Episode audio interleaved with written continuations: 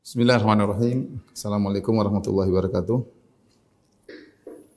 Alhamdulillahi ala ihsani wa syukru lahu ala taufiqihi wa amtinani. Asyhadu an la ilaha illallah wahdahu la syarika lahu ta'ziman li sya'ni wa asyhadu anna Muhammadan abduhu wa rasuluhu da'ila ridwani. Allahumma salli alaihi wa ala alihi wa ashabi wa ikhwani. Para ikhwan dan akhwat, para jamaah yang dirahmati Allah Subhanahu wa taala, majelis taklim Ar-Rohat uh, yang dimuliakan oleh Allah Subhanahu wa taala. Pada kesempatan kali ini kita akan sama-sama belajar tentang uh, pentingnya membersihkan hati ya. Uh, terutama kita tahu bahwasanya penyakit-penyakit hati sangatlah banyak yang kita harus belajar untuk membersihkannya satu persatu ya. Adapun uh, pentingnya amalan hati akan saya jelaskan sebagaimana berikut ini.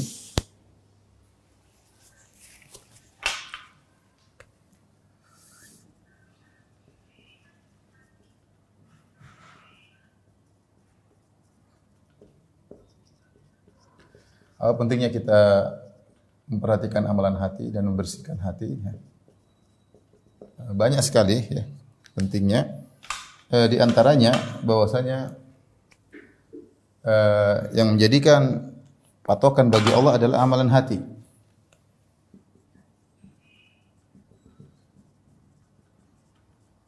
Di sisi Allah adalah amalan hati. Makanya takwa tempatnya di hati. Takwa tempatnya di hati.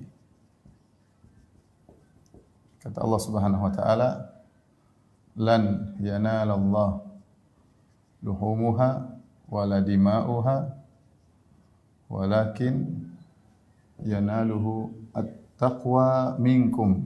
Ini ketika Allah berbicara tentang uh, sembelihan, kata Allah sungguhnya tidak akan sampai kepada Allah daging sembelihan dan juga tidak akan sampai kepada Allah darah sembelihan ketika kita menyembelih korban. Walakin yanaluhu taqwa minkum. Tapi yang sampai kepada Allah adalah ketakwaan dari kalian. Ini takwaan dari kalian. Dan inilah yang sampai kepada Allah Subhanahu wa taala. Jadi patokan adalah hati. Demikian juga ketika Allah Subhanahu wa taala uh, menceritakan tentang orang-orang yang tidak mau beriman, Allah mengatakan fa innaha fa innaha la ta'mal la ta'mal absar walakin ta'mal ta'mal qulubul lati fis sudur. Ya, kata Allah yang bukan buta adalah mata bukan tetapi yang buta adalah hati ya. Kalau hati sudah uh, buta, repot maka akan berpengaruh pada yang lain. Seorang mungkin bisa melihat, seorang bisa mendengar, tapi kalau hatinya sudah buta dia tidak bisa melihat ayat-ayat Allah Subhanahu wa taala. Demikian juga kata Allah Subhanahu wa taala tentang uh, perkataan Nabi Ibrahim alaihissalam uh, apa namanya? Yauma la yanfa'u malun wala banun. Yauma la yanfa'u malun wala banun. Ya, illa man atallah biqalbin salim. Hari di mana tidak bermanfaat harta dan anak-anak kecuali orang yang datang kepada Allah dengan hati yang selamat. Hari kiamat yang paling jadi patokan adalah hati yang uh, selamat. Demikian juga dalam hadis kata Nabi sallallahu alaihi wasallam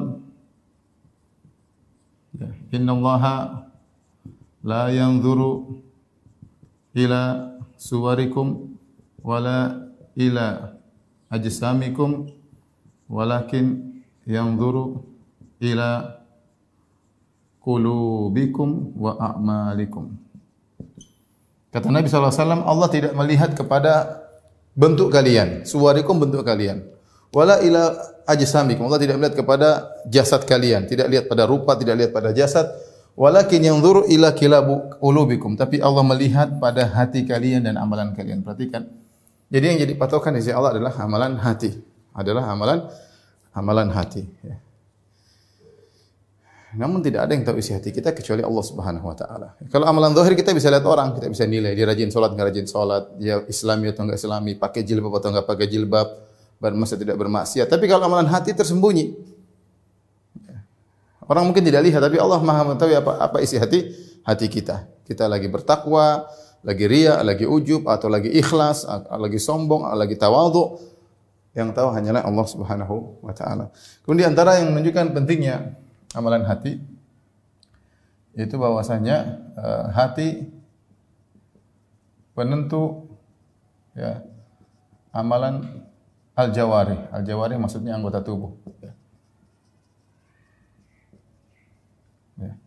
Dalam hadis kata Nabi wasallam, "Inna fil jasadi mudghatan idza saluhat saluhal jasadu kullu wa idza fasadat fasadul fasadal jasadu kullu ala wahiyal qalb Kata Nabi SAW, sungguhnya dalam tubuh ada segumpal daging, maksudnya kolbu ya.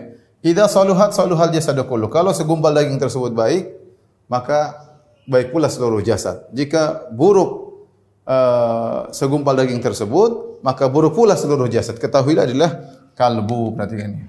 Ya. Ini benar tidaklah tidaklah uh, seseorang uh, kemudian bergibah kecuali karena hatinya bermasalah. Ya. Tidaklah uh, seorang nampak kesombongannya, omongannya kecuali karena dalam hatinya ada masalah. Mungkin dia sombong. Adalah orang merendahkan orang kecuali hatinya ber, bermasalah ya. Cara jalan orang, terus sukanya apa yang dia lakukan itu semua adalah sebab hatinya. Karena hati ini yang mengatur ya atau kolbu kita yang mengatur anggota tubuh kita. Maka jelas bahwasanya kalau seorang membersihkan hatinya maka akan berpengaruh berdampak pada jawarihnya. Punya penyakit hati sangat banyak ya. Kalau kita bersihkan maka akan nampak pengaruhnya pada anggota tubuh kita. Kemudian di antaranya bahwasanya hati adalah tempatnya kebahagiaan. Ya, tempatnya kebahagiaan, ya. Semua penyakit hati adalah perusak kebahagiaan.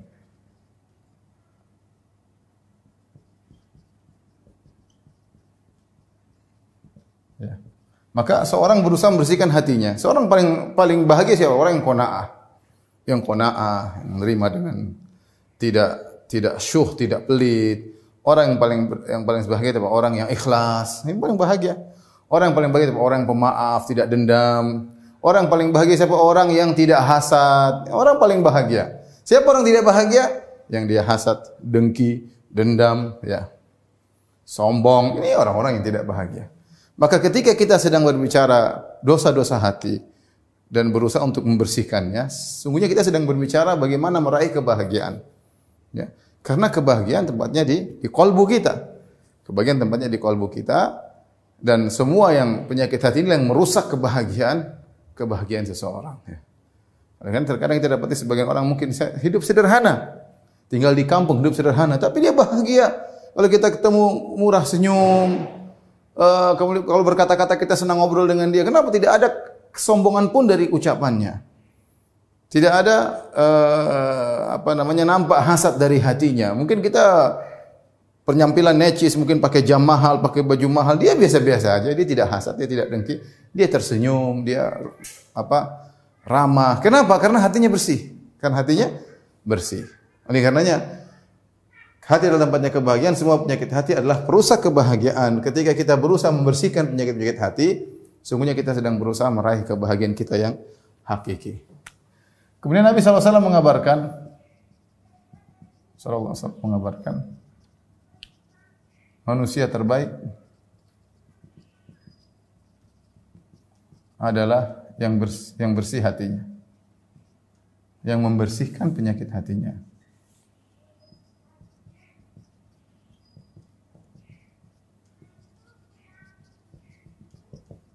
Apa kata Nabi SAW? Ketika Nabi SAW, qila lahu, Nabi ditanyakan, ayun nasi afdal? Ya Rasulullah, siapa manusia terbaik? Ya. Rasulullah ditanya, ayun nasi afdal? Siapa orang terbaik? Paling afdal. Apa jawaban Nabi SAW? Kullu mahmumil qalbi saduqil lisan Kata Nabi SAW, Kullu mahmumil qalbi wa saduq, saduqil lisan. Para sahabat bertanya, ini yang lisannya jujur. Lisannya jujur. Hatinya dibersihkan. Inilah uh, manusia terbaik. Para sahabat bertanya, "Ya Rasulullah, saduqul lisan arafnahu." Ya Rasulullah, lisan yang jujur kami tahu. Fama mahmumul qalb? Apa itu mahmumul qalb? Mahmumul qalb adalah hati yang dibersihkan. Ternyata mahmum itu adalah uh, dari dari kata yang maknanya adalah uh, miknasah yang artinya menyapu. Jadi mahmumul qalb artinya hati yang dibersihkan. Seakan-akan kalau kita punya rumah sering masuk kotoran, debu setiap hari, kita tiap hari harus membersihkannya. Ya tidak? Iya, tiap hari kita harus membersihkannya. Ya, Nabi menyamakan hati itu seperti rumah yang harus dibersihkan setiap hari. Ya, karena kita tahu ketika kita berinteraksi, ketika kita melihat, ketika kita mendengar, ketika kita bermasalah dengan orang, pasti ada hal-hal yang mungkin membuat kita mau sombong, membuat kita mau angkuh, membuat kita punya uh, dapat naik jabatan. Nah ini membuat kita bisa jadi sombong, bisa angkuh, uh, melihat orang punya kelebihan yang banyak, mungkin kita mau bisa hasad dan macam-macam. Ya, ini semua bisa saja datang dalam hati kita hari harus bersihkan. Bersihkan penyakit-penyakit tersebut, maka kita menjadi manusia yang terbaik. Dan Allah Subhanahu wa taala berfirman tentang hati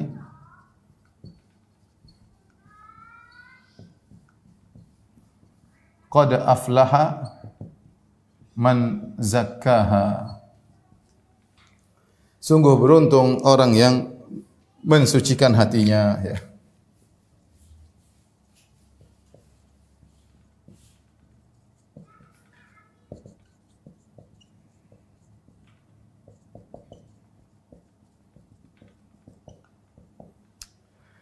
Uh, ikhwan dan akhwat yang dirahmati Allah Subhanahu wa taala, uh, amalan hati ya, hati ini ya uh, sangat penting untuk apa namanya kita pelajari ya. Hendaknya perhatian kita kepada hati lebih daripada perhatian kita kepada amal jawari ya. Karena tadi saya sebutkan ini hati penentu. Kebanyakan kita atau sebagian kita lebih memperhatikan penampilan tubuhnya daripada bagaimana kondisi hatinya ya. Harusnya sebaliknya seorang lebih perhatian dengan kondisi hati bagaimana hatiku sekarang ini karena itu akan terpancar kepada anggota tubuhnya kondisi hatinya terpancar pada anggota tubuhnya. Maka seorang hati-hati, ya. hatinya bagaimana. Dia harus peka tatkala ada penyakit, ya. Kayak ujub, apakah dia ria, apakah dia sombong, apakah dia angkuh, dia harus peka untuk segera dia bersihkan. Jangan dia berjalan tanpa pedulikan isi hatinya, jangan. Ya. Dia berusaha memperhatikan uh, isi uh, hatinya, ya. Dan uh, hati, ya, memiliki amalan-amalan, ya. Hati memiliki amalan-amalan. Hati bisa bisa sedih, bisa gembira, bisa takut, bisa berhasrat, hati bisa banyak banyak amalan bisa dilakukan oleh hati. Hati kita bisa melakukan banyak amalan. Oleh karenanya, sebagaimana lisan kita dimintai pertanggungjawaban, pandangan kita diminta pertanggungjawaban, tangan kita, kaki kita diminta pertanggungjawaban, hati kita juga akan ditanya oleh Allah diminta pertanggungjawaban. Ya. Makanya kata Allah Subhanahu wa taala, uh, Eh, fala taqfu wala taqfu ma laysa laka bihi ilm. Jangan kau ikuti apa yang kau tidak punya ilmu tentangnya. Inna sam'a wal basara wal fuad kullu ulaika kana anhu mas'ula. Sungguhnya pendengaran, penglihatan dan hati semuanya akan ditanya oleh Allah Subhanahu wa taala, diminta pertanggungjawaban oleh Allah Subhanahu wa taala. Ini uh, mukaddimah yang saya sampaikan. Uh, selanjutnya insyaallah kita akan membahas tentang penyakit-penyakit hati atau kalbu ya kalbu uh, ditinjau dari sakit dari sakit atau sehat hidup atau mati uh, apa hati itu eh, mengalami menimpa kondisi-kondisi dia bisa terkena penyakit dia bisa sehat dia bahkan dia bisa mati ya oleh karenanya para ulama bagi kondisi hati menjadi menjadi tiga. Yang pertama disebut dengan al-qalbus salim. Al-qalbus salim yaitu hati yang selamat, sehat ya. Hati yang selamat. Apa ciri-cirinya? Yaitu dia mudah khusyuk. Mudah khusyuk. Mudah terenyuh ya. Ya, tidak sombong.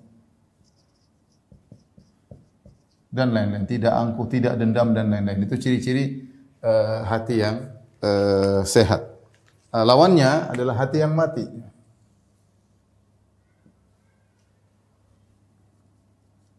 Al-qalbul mayyit. Hati yang mati. Hati yang mati yaitu adalah hatinya orang-orang kafir. Kafir dan munafik. Uh, apa ciri-cirinya? Ciri-cirinya ya uh, apa namanya? keras ya, hati yang keras. Kemudian uh, apa namanya? tidak tidak terpengaruh dengan ayat-ayat Allah dengan peringatan-peringatan Allah percuma ya sudah di seperti yang di apa namanya dia dimiliki oleh orang-orang musyrikin sudah datang Nabi wasallam sudah diberi mukjizat diberi peringatan berbagai metode di dalam Al-Qur'an tidak membuat mereka bergeming tidak ada pengaruh dengan uh, perintah perintah Allah Subhanahu wa taala. Allah beri peringatan, dia tidak peduli. Berarti hatinya sudah sudah mati.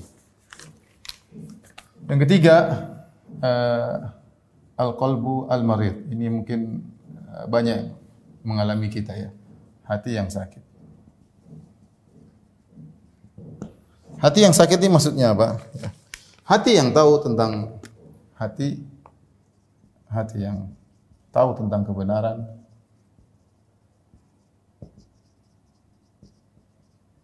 al-haq ya. Tapi ditimpa dengan penyakit dengan penyakit-penyakit hati. Ya. Dan penyakit-penyakit hati bisa kita bagi dua. Ya. Yang pertama adalah amrad uh, al-qalb atau amrul syahwat.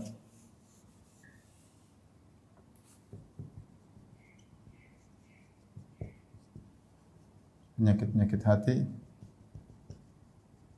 yang disebabkan syahwat.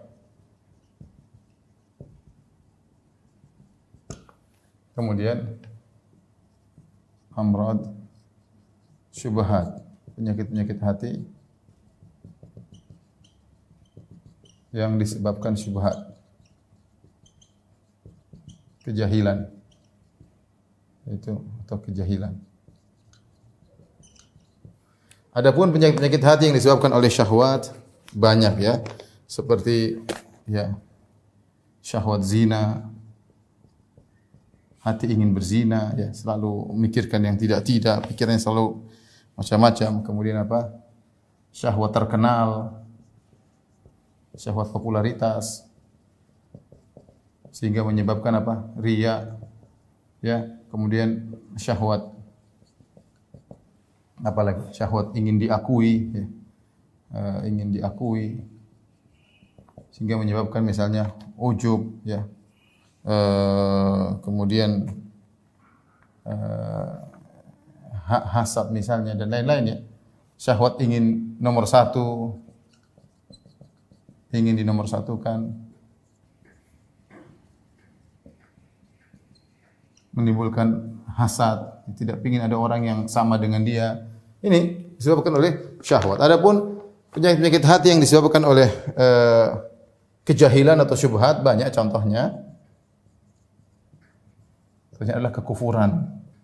Kenapa dia terkena penyakit kekufuran? Karena kejahilan ya. Contohnya kemunafikan. Ya kena syubhat dia. Keraguan, syak, ragu dengan Allah Subhanahu wa taala ya dan lain-lain. Ini adalah syahwat penyakit-penyakit hati yang disebabkan oleh uh, kejahilan atau syubhat ya. Ini secara global maka uh, kita tidak mengaku bahwasanya kita memiliki hati yang sehat ya. Sulit bagi kita untuk mudah untuk khusyuk. Sulit bagi kita hati kita terenyuh, kita baca Al-Qur'an terkadang ter tidak tergerak hati kita, terkadang kita mendengarkan peringatan tidak terenyuh hati kita. Uh, dan banyak halnya ya. Kita juga tidak mengatakan hati kita telah mati, alhamdulillah kita bukan orang kafir, kita bukan orang munafik. Kita tidak ragu dengan uh, adanya Tuhan. Kita meyakini kebenaran agama, tapi kebanyakan kita kondisinya adalah hati yang sakit ya. Tahu kebenaran, tahu tentang keburukan ini, tahu tentang keburukan ria, tahu tentang keburukan ujub, tahu. tapi tidak bisa menghindar dari itu semua. Penyakit-penyakit telah merongrong dalam hatinya ya. Penyakit-penyakit telah merongrong dalam dalam hatinya. Nah, penyakit-penyakit hati ya kita bisa mengklasifikasikannya dari dua sisi. Kalau kita klasifikasikan dari sisi dari sisi sumber penyakit,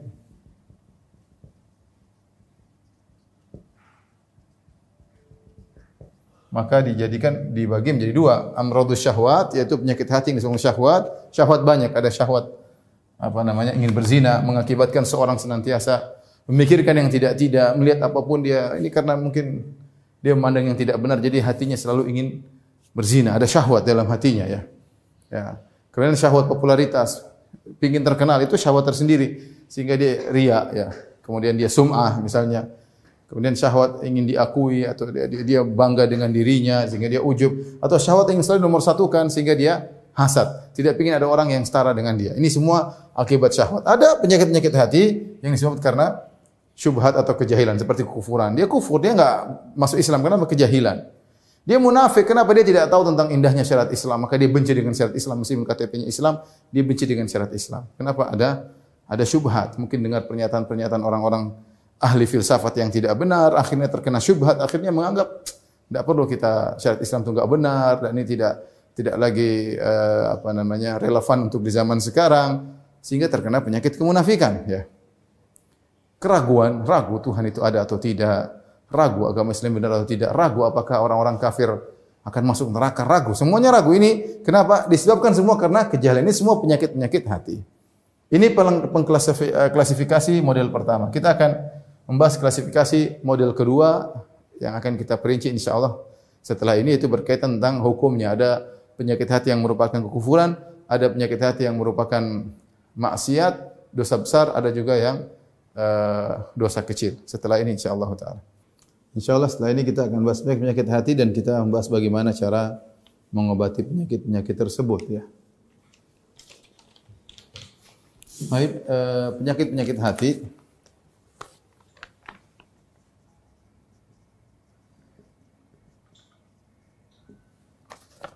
uh, berdasarkan hukumnya ya. Bagi menjadi tiga. Yang pertama uh, yang merupakan kekufuran.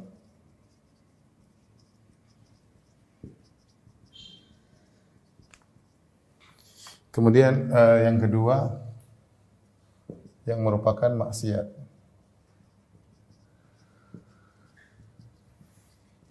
Yang maksiat kita juga bisa bagi menjadi dua ya. Yang merupakan dosa besar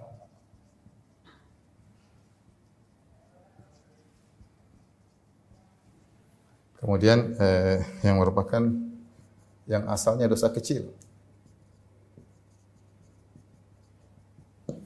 Baik. Apa saja yang merupakan kekufuran? Ya, para menyebutkan seperti tadi. Eh, keraguan, syak. Keraguan. Maksudnya apa keraguan? Dia ragu tentang adanya Tuhan misalnya. Dia ragu bahwasanya agama Islam agama yang terbenar. Dia ragu. Dia ragu bahwasanya kesyirikan adalah kesesatan. Ya. Dan ini muncul banyak orang-orang liberal yang mengalami keraguan. Ragu tentang Al-Qur'an, ragu tentang Allah Subhanahu wa taala, uh, semua agama benar, ya. kita tidak boleh memandang dari kacamata kita.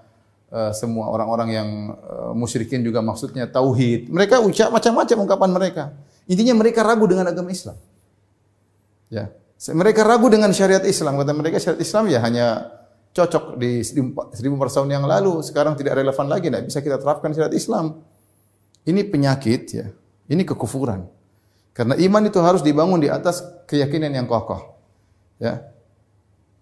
Innamal alladziina amanu billahi wa rasulihi tsumma lam yartabu. Kata Allah Subhanahu wa taala, sungguhnya orang-orang yang beriman Sesungguhnya orang beriman adalah yang beriman kepada Allah dan Rasulnya, tsumma lam yartabu, kemudian tidak ragu.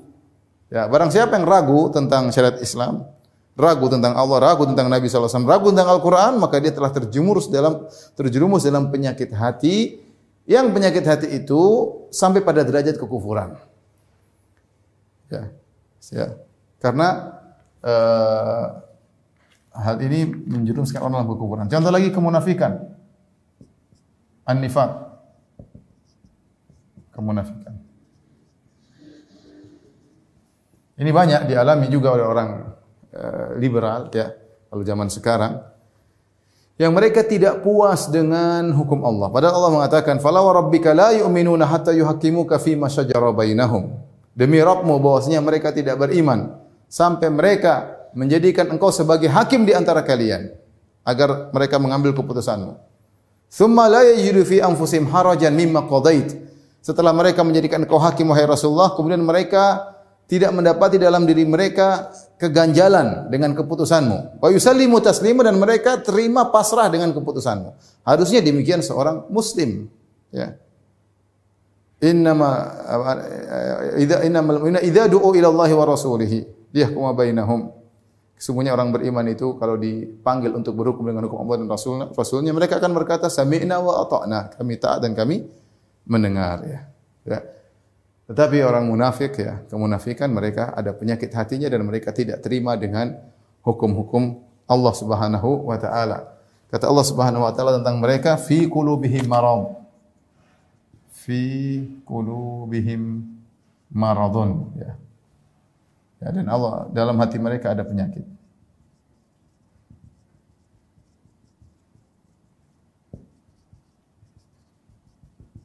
Penyakit uh, kemunafikan. Kemudian di antaranya juga yang merupakan penyakit hati dan itu adalah kufur adalah kesyirikan. Asyirk. Kesyirikan itu syirik akbar. Dengan berbagai macam modelnya. Ini tentunya kita sudah bahas dalam pembahasan kitab tauhid seperti meyakini bahwasanya mayat-mayat bisa menolong, wali-wali Allah bisa mendengar apa yang kalau kita minta pertolongan kesyirikan. Ini syirik ya. Penyakit hati tapi sampai penyakit hati tapi sampai pada derajat uh, uh, kesyirikan. Ya.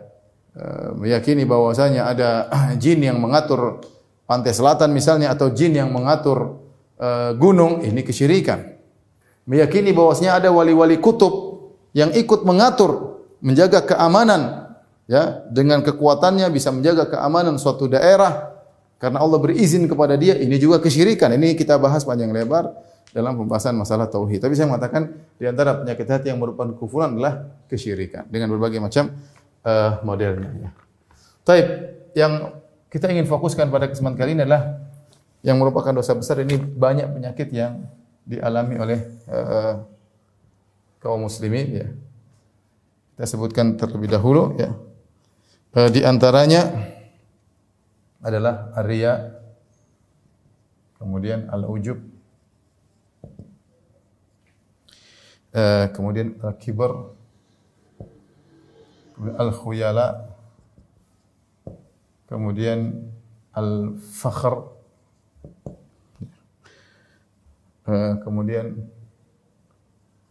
al-qunut min rahmatillah, kemudian uh, al-amn min makrillah, uh, kemudian su'udzan bil muslimin berburuk sangka kepada kaum muslimin. Kemudian di antaranya al hasad kemudian di antaranya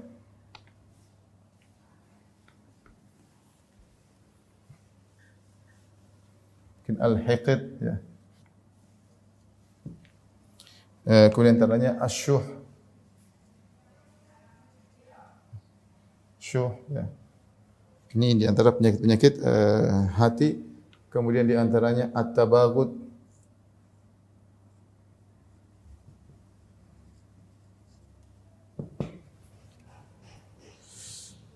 Uh, ini sementara mungkin yang bisa sampaikan.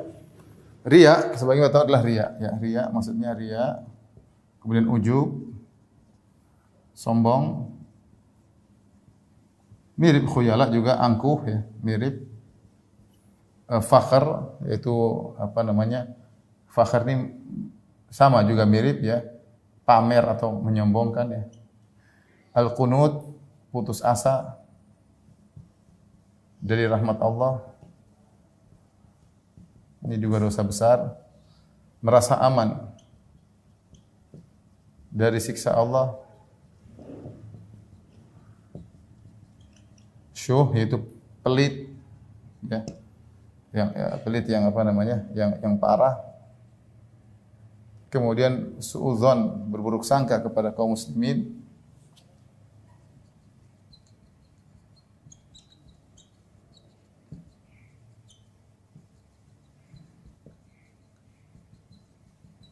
ada hasad. Uh, Al-hiqt itu hasad lebih tinggi lagi daripada hasad ya. Uh, dengki kalau mungkin bahasa kita ya. Tabagut saling benci, saling memusuhi, saling memusuhi, membenci ya. Tapi adapun yang dosa-dosa kecil ya.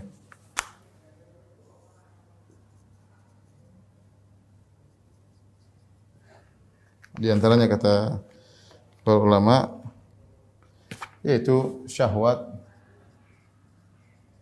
untuk berzina, syahwat untuk memandang yang haram. Ini penyakit hati. Ya. Terjebak dengan syahwat eh, tersebut. Taib para hadirin hadirat Subhanahu wa taala, kita akan membahas uh, beberapa penyakit-penyakit ini ya. Dan juga mungkin solusinya secara sederhana ya. Ria, sebagaimana kita tahu, ini penyakit hati yang berbahaya yang menimpa banyak orang. Ria adalah beramal soleh untuk dilihat oleh orang lain. Ya, pencitraan kalau bahasa kita. Ria bahasa kerennya sekarang apa? Pencitraan ya. Ya. Ingin dilihat dan diakui ya, tapi dalam masalah dalam masalah agama, bukan pencitraan masalah dunia, bukan ya. Dia ingin ibadahnya dilihat, dia ingin sedekahnya diketahui oleh orang lain, dia ingin uh, berbaktinya kepada orang tuanya diketahui oleh orang lain, dan semuanya dia ingin apa yang dilakukan kebaikan dilihat oleh orang lain agar dia diakui.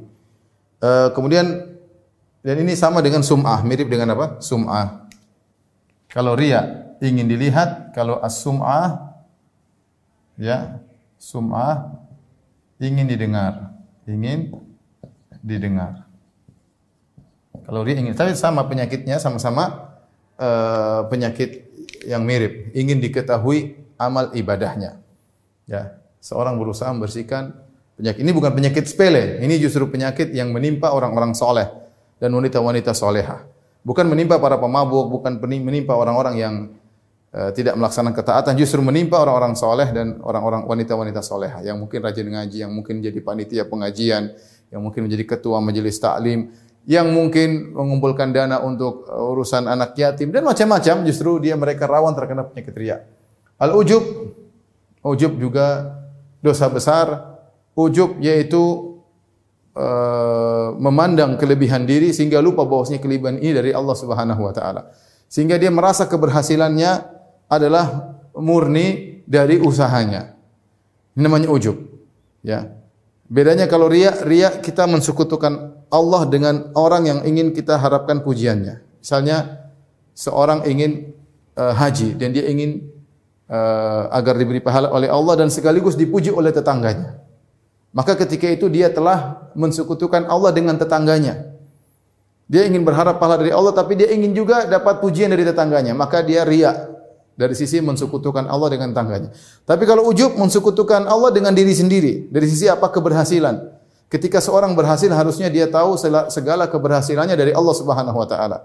Betapa banyak orang lebih pintar daripada dia, betapa banyak orang lebih berkesempatan daripada dia, betapa banyak orang lebih berpengalaman daripada dia, tapi dia berhasil. Ketika dia berhasil, jangan dia, wah karena saya cerdas, karena saya pintar, karena saya pandai ngomong, karena saya enggak. Dia harus tahu semua keberhasilan dari Allah Subhanahu wa taala. Toh kecerdasan dia, kepintaran ngomongnya, pengalamannya semua Allah yang siapkan buat dia. Maka ketika dia menganggap keberhasilannya karena dirinya, ini ujub namanya. Ini ujub. Kita berusaha tapi kita tahu keberhasilan murni dari Allah Subhanahu wa taala. Makanya saya sering, saya, sering sampaikan bahwasanya kecerdasan tidak berbanding lurus dengan kekayaan. Ya. Betapa banyak orang cerdas tidak kaya. Ya. E, pengalaman pengalaman e, tidak berbanding lurus dengan keberhasilan. Betapa banyak orang punya pengalaman tapi tidak berhasil berhasil. Lihatlah bagaimana perkataan Nabi SAW ketika menggali khondak dalam perang khondak. Laulallah mahtadaina. Kalau bukan karena Allah, kami tidak dapat hidayah. Wala sallaina. Kalau bukan karena Allah, kami tidak bisa solat. Wala tasaddaqna. Kalau bukan karena Allah, kami tidak bisa bersedekah. Yang menggerakkan hati kita. Bisa bersedekah siapa? Allah. Jangan kita ujub setelah kita bersedekah. Yang lain tidak bersedekah, saya bersedekah. Ujub di sini. Yang lain malah sholat, saya sholat ujub karena saya hebat. Enggak, kita bilang kalau bukan karena Allah saya tidak bersedekah. Kalau bukan karena Allah saya tidak bisa sholat. Kalau bukan karena Allah saya tidak dapat hidayah. Kalau bukan karena Allah saya tidak bisa ikut pengajian. Semuanya karena Allah. Ketika itu hilang penyakit ujub. Hati-hati penyakit ujub. Al-kibar, sombong.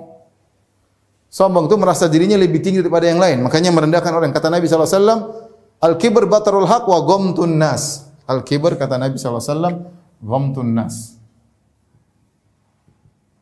merendahkan orang lain. Ini penyakit hati asalnya. Ketika melihat orang lain, dia rendahkan. Orang tersebut mungkin ngomongnya tidak bagus seperti dia, dia rendahkan. Orang tersebut mungkin mobilnya tidak bagus seperti mobil dia, dia rendahkan. Tapi dalam hatinya dan sering terungkapkan dalam lisannya. Ah, siapa dia? Allah cuma begitu saja. Itu contoh-contoh orang yang kiber. Ketika mengatakan apa sih fulan itu? Apa isi umahat itu? Apa sih fulana? Apa sih yang bisa dia lakukan? Ya. Itu itu ungkapan-ungkapan sombong. Ya. Dia bisa ngajar apa sih? Ya. Dia lulusan mana sih? Apa sih gelarnya? Apa sih jabatannya? Eh, ada ucapan-ungkapan yang itu berangkat dari merendahkan orang lain. Nabi yang bilang, namanya sombong itu gomtun nas, merendahkan orang lain. Itu penyakit hati asalnya. Tetapi sering terekspresikan dengan lisan. Ya. Bisa terekspresikan dengan pandangan, pandangan merendahkan bisa diekspresikan dengan sikap. Ketemu orang enggak mau ngelihat. Makanya kata Allah, la tusair khaddaka linnas, jangan kau palingkan wajahmu dari manusia. Kalau Anda seperti itu, yakinlah Anda ada penyakit dalam hati Anda. Ya. Bagaimana obatnya? Obatnya Anda harus tahu bahwasanya segala kelebihan nah ini dari Allah Subhanahu wa taala.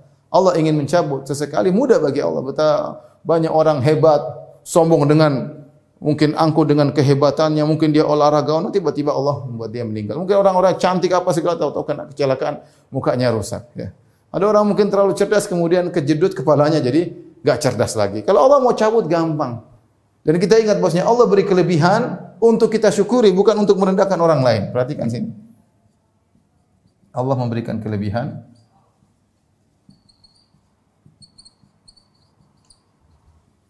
untuk disyukuri. Bukan untuk merendahkan orang lain. Kapan kita merendahkan orang lain? Itulah namanya sombong, sombong. Sampai al-khuyala juga mirip ya. Kata para ulama mirip-mirip antara al-kibar sombong dengan al-khuyala ya. Ini mirip al-fakhr. Kalau al-fakhr juga kesombongan, cuma al-fakhr biasanya berkaitan dengan orang lain. Itu dia membangga-banggakan dirinya, pamer atau membangga-banggakan dirinya. Pamer membangga-banggakan dirinya.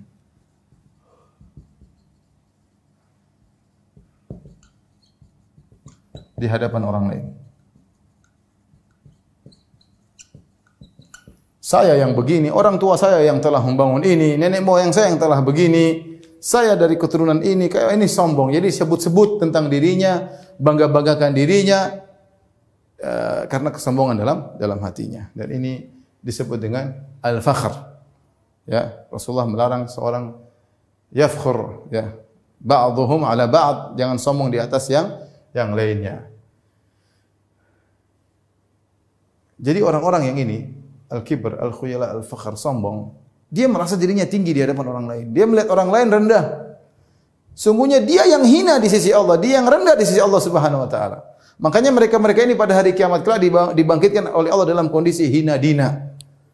Kata Nabi SAW, Yuhsyarul mutakabbiruna yawmal qiyamah.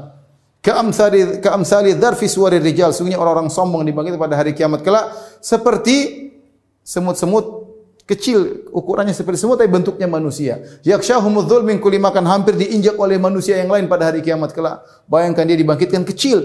Kenapa al jazaa menyisal amal balasan sesuai dengan perbuatan di dunia merasa tinggi, merasa hebat, merasa tinggi seperti gunung, maka pada hari kiamat Allah bangkitkan kecil seperti semut siap diinjak oleh hewan, diinjak oleh manusia, hina dina. Ya, maka Anda jangan jangan sombong.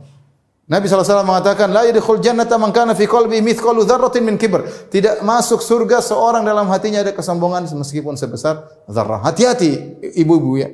Dan sebab kesombongan ini banyak, merendahkan orang lain bisa sombong karena tas ibu-ibu, bisa sombong karena mobil ibu-ibu, bisa sombong karena suami ibu, bisa sombong karena rumah, bisa sombong karena jalan-jalan ke luar negeri. Hati-hati. Bisa sombong, bisa pamer dan lain-lain. Hati-hati penyakit, bersihkan penyakit hati.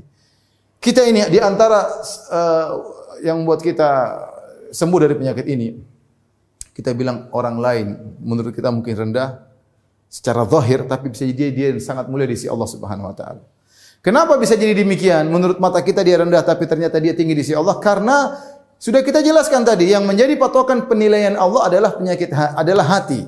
Sementara kita tidak tahu hati dia, bisa jadi orangnya tulus, bisa jadi orangnya ikhlas, belum lagi mungkin dia melakukan amal-amal soleh yang tidak ketahui. Ternyata dia berbakti kepada orang tuanya. Ternyata dia suka menyenangkan hati orang tuanya. Ternyata dia suka mendoakan kaum muslimin. Mungkin kelihatannya kita lebih rajin sholat daripada dia. Tapi kita nggak tahu hakikat hati dia.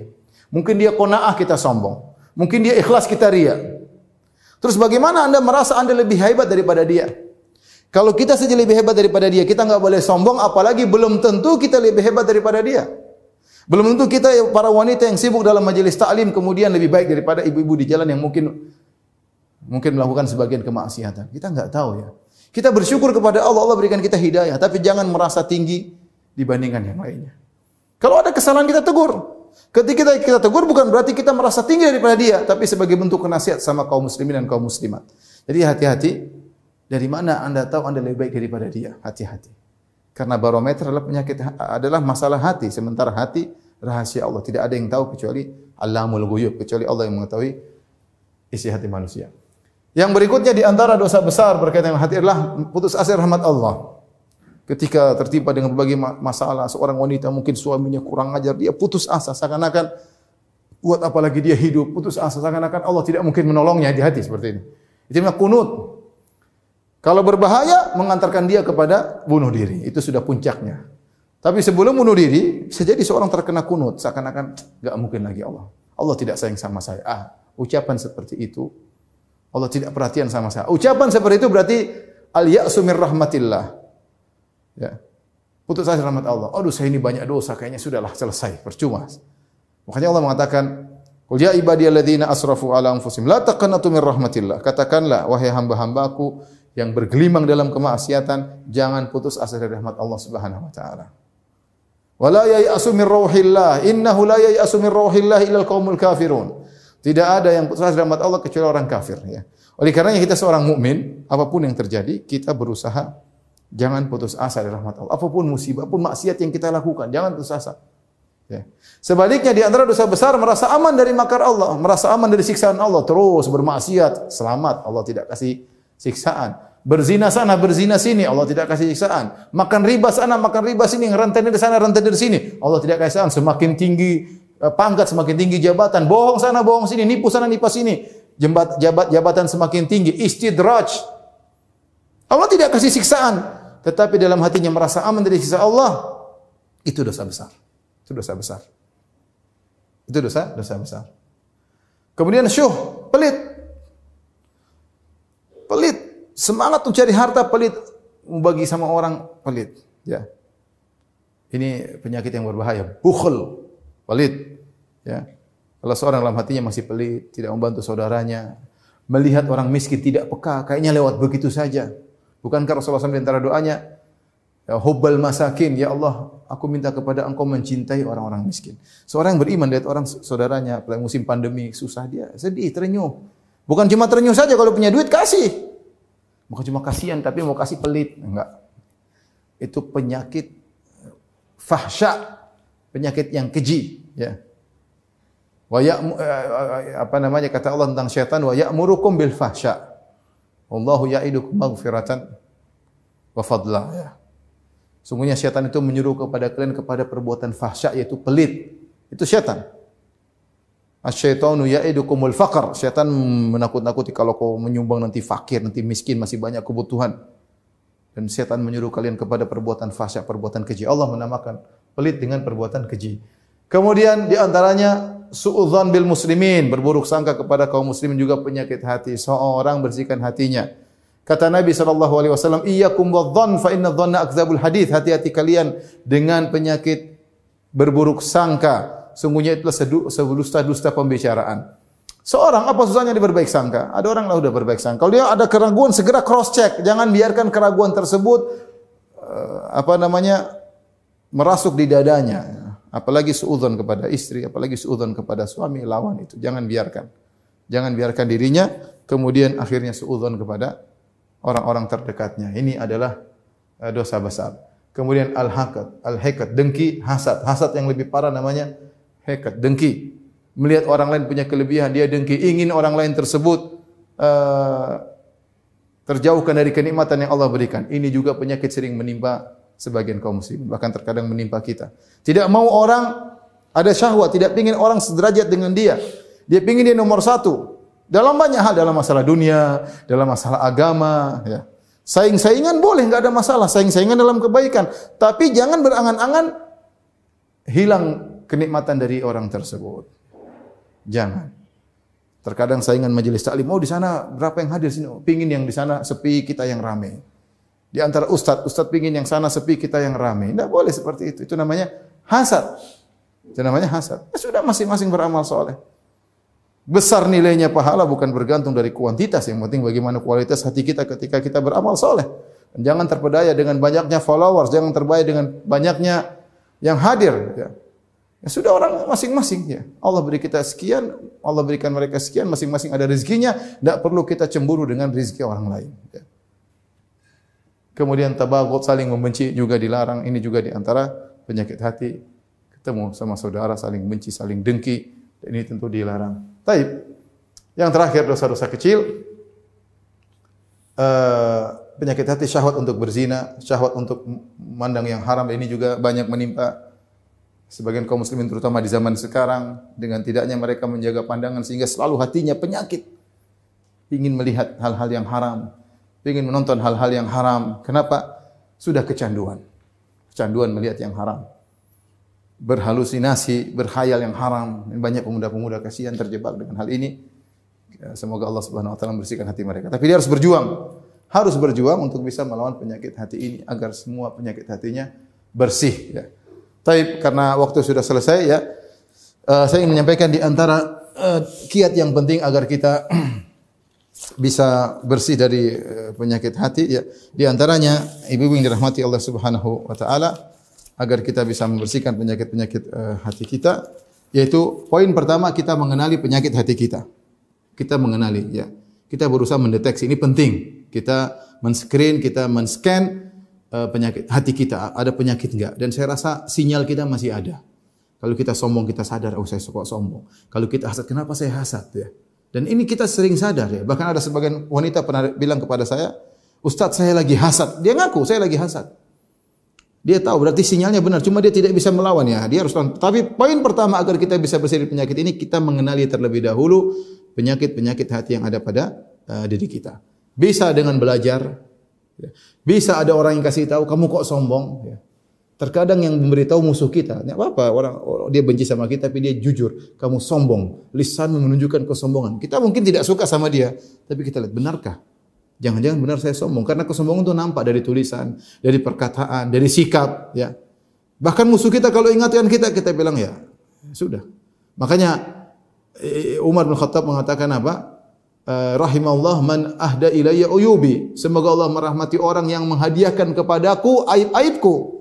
Karena seorang terkadang tidak bisa melihat aibnya yang bisa lihat orang lain, kawannya, terkadang musuhnya bisa lihat aib dia. Maka dia berusaha mengenal penyakit-penyakitnya untuk dia uh, uh, perbaiki. Kemudian misalnya dia belajar tentang masalah akhlak agar dia lebih detail. Oh, ini penyakit ini, penyakit ini, penyakit ini kemudian dia cek pada uh, dirinya. Kemudian di antara obat penyakit hati yaitu memperbanyak doa agar dibersihkan hati. Seperti doa Allahumma hdinil asanil akhlaqi la yahdi li asani la ant wasrif anni sayyi'aha la yasrif sayyi'aha ila ant. Berdoa, ya Allah tunjukkan aku kepada akhlak yang baik karena ini semua akhlak yang buruk.